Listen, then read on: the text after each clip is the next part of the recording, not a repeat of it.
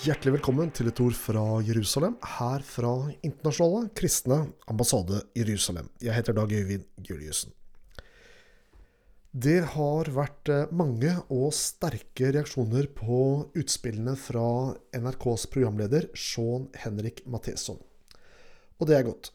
Det bør sitte i ryggmargsrefleksen at slikt ikke passerer uten at man gir lyd fra seg. I kjølvannet av disse ytringene stiller vi oss spørsmålene. Hva er det med NRK som gjør at en mangeårig ansatt som Sean Henrik Matheson er i stand til å komme med slike uttalelser i en direktesending? En slik uttalelse og slike utspill kommer jo ikke i et vakuum, men det oppstår i en kontekst og i en sammenheng som er fristende å kalle NRKs og norske mediers eget ekkokammer. I 2012 ba OSSE, som er Organisasjonen for sikkerhet og samarbeid i Europa, den norske utenriksministeren om å ta grep for å stoppe demoniseringen av Israel i den norske Midtøsten-debatten. Vi er ikke kjent med at OSSE har kommet med tilsvarende utspill overfor noe annet land. Noe synes å være i en særlig ubalanse i den norske Midtøsten-debatten. Det her er ikke en problemstilling av ny dato. For snart 40 år tilbake dekket, dekket Odd Karsten Tveit Libanon-krigen. Reaksjonen på kanalens, kanalens, manglende objektivitet var sterke den gang også. Det ble nedsatt uavhengig gransking fra NUPI, som viste flere brudd på upartisk dekning av konflikten. Institutt for kirke og samfunn og Kristelig kringkastingslag produserte dokumentaren Mediamakt. Denne viste at Israel ble fremstilt av NRK som en brutal krigsmaskin som ikke tar hensyn. Terrororganisasjonen PLO derimot ble glorifisert. Man kunne også dokumentere tallmanipulering med hensyn til antall døde, skadde og flyktninger. Det ble også presentert hvordan NRK unnlot å informere viktig informasjon om PLOs herjinger med befolkningen i Sør-Libanon. Dokumentaren viste endog hvordan Statskanalen forsøkte å påvirke et sentralstyremøte i LO, hvor man i forkant av møtet hevdet at store deler av LO var for boikott av Israel, mens styremøtets utfall ble enstemmig imot en boikott av landet. 20 år senere begynte tempelhøydeintifadaen høsten 2000. Dette ble en langvarig tsunami av terrorangrep mot Israel. Ifølge kommunikasjonsminister i PA, altså de palestinske selvstyremyndigheter, Imad Falucci, var det de som planla og iverksatte opptøyene og angrepene. Daværende redaktør i Dagen, Odd Sverre Hove, ble frikjøpt fra sitt daglige virke for å granske NRK Dagsrevyens dekning av situasjonen gjennom åtte uker. Hans hovedkonklusjoner i undersøkelsen han la frem, var følgende. NRK fortier systematisk den arabiske skytingen som utløser israelsk returild. NRK blander konsekvent sammen reportasje og kommentar. NRK skiller ikke mellom terrorisme og selvforsvar. NRK vil få store problemer med å forsvare seg mot anklager om implisitt jødehat. Årene går. Etter å ha blitt angrepet over lang tid av flere tusen raketter, velger Israel å slå tilbake mot Hamas i Gaza 27.12.2008. Dette førte til en kolossal dekning i NRK. Andre samtidige konflikter med langt, langt flere ofre fikk knapt oppmerksomhet. Etter hvert ble det demonstrasjoner i Oslos gater med steinkasting og sinne. Jeg husker godt at vi var samlet som IKAIs stab hjemme hos daværende leder Leif A. Wellerup. Vi bestemte oss for å holde en fredelig markering utenfor Stortinget til støtte for Israels rett til å forsvare seg. Vi inviterte MIF og Vestlandske Indremisjon til å stå sammen med oss som medarrangører. Da ettermiddagen kom den 8. januar, så skal du snart få høre hvordan det gikk, men først skal vi høre på litt musikk.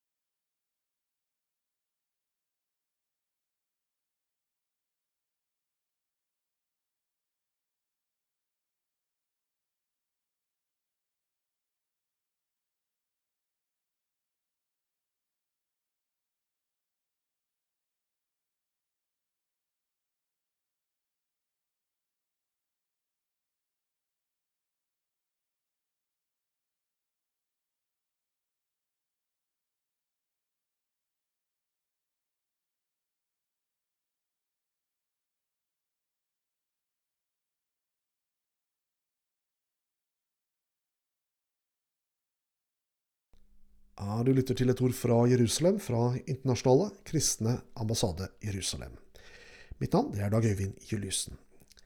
I dagens sending så ser vi på NRKs dekning av Israel gjennom mange år.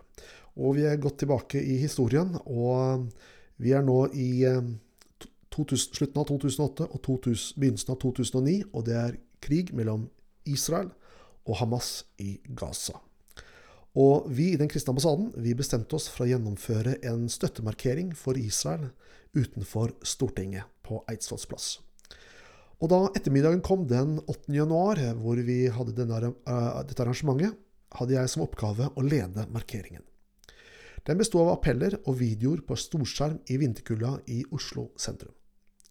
Den fredelige markeringen vår, med flere hundre fremmøtte, ble omkranset av flere tusen rasende motdemonstranter. Opptøyene den kvelden ble så voldsomme at politiet måtte gripe inn med tåregass for å løse opp folkemengden. Da røken, røken hadde lagt seg, viste det seg at det hadde blitt gjort ødeleggelser i Oslo sentrum for 30 millioner kroner. Politiet uttalte at det ikke hadde vært slike ødeleggelser og opptøyer på 30 år i Norges hovedstad.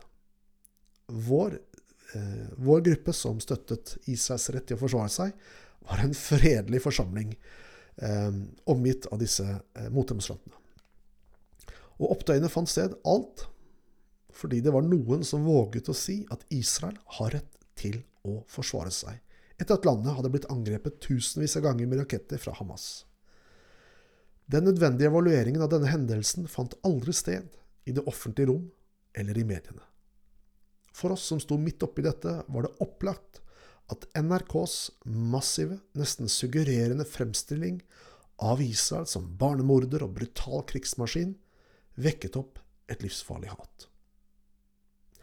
I 2017 publiserte HL-senteret, eller Holocaust-senteret, en undersøkelse som viser at 32% av befolkningen, den norske befolkningen støtter påstanden sitat, Israel behandler palestinere like ille som jødene ble behandlet under andre verdenskrig.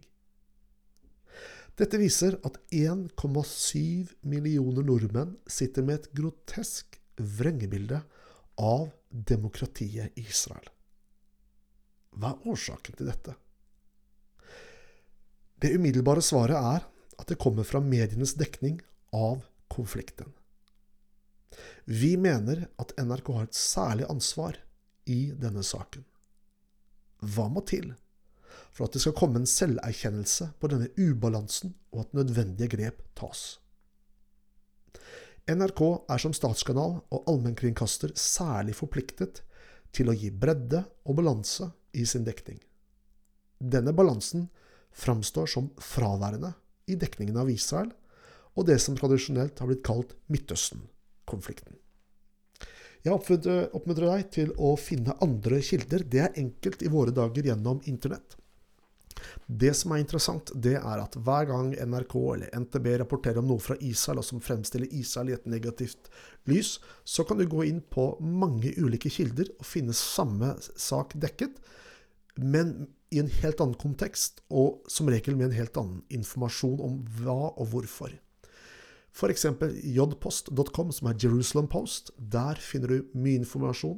Times of Israel er en annen kilde, og du kan også besøke vår side, som du finner på ikai.no. Vi legger daglig ut nyheter og kommentarer fra Israel og det som skjer i tilknytning til, til dette landet. Og ikke minst også relasjonen mellom Norge og Israel, og kristne og Israel.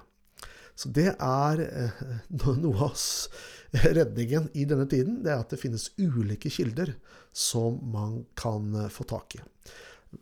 Det har vært mye snakk om i de senere om fake news. Er det et område hvor det virkelig er fake news? Det er norsk mediers, norske mediers dekning av Midtøsten, og spesielt Israel. Vi i Internasjonale kristne ambassade i Jerusalem gir ut en månedlig avis som heter Et ord fra Jerusalem. Du kan få et gratis eh, prøveabonnement på den for fire utgaver ved å sende en SMS med Jerusalem til 2030. Jeg gjentar. Send Jerusalem til 2030 og få gratis vår avis i fire måneder, et ord fra Jerusalem. Du har lyttet til eh, samme radioprogram, Et ord fra Jerusalem, fra Internasjonale kristne ambassade Jerusalem. Jeg heter Dag Øyvind Juliussen. Ønsker deg alt godt og Guds rike velsignelse.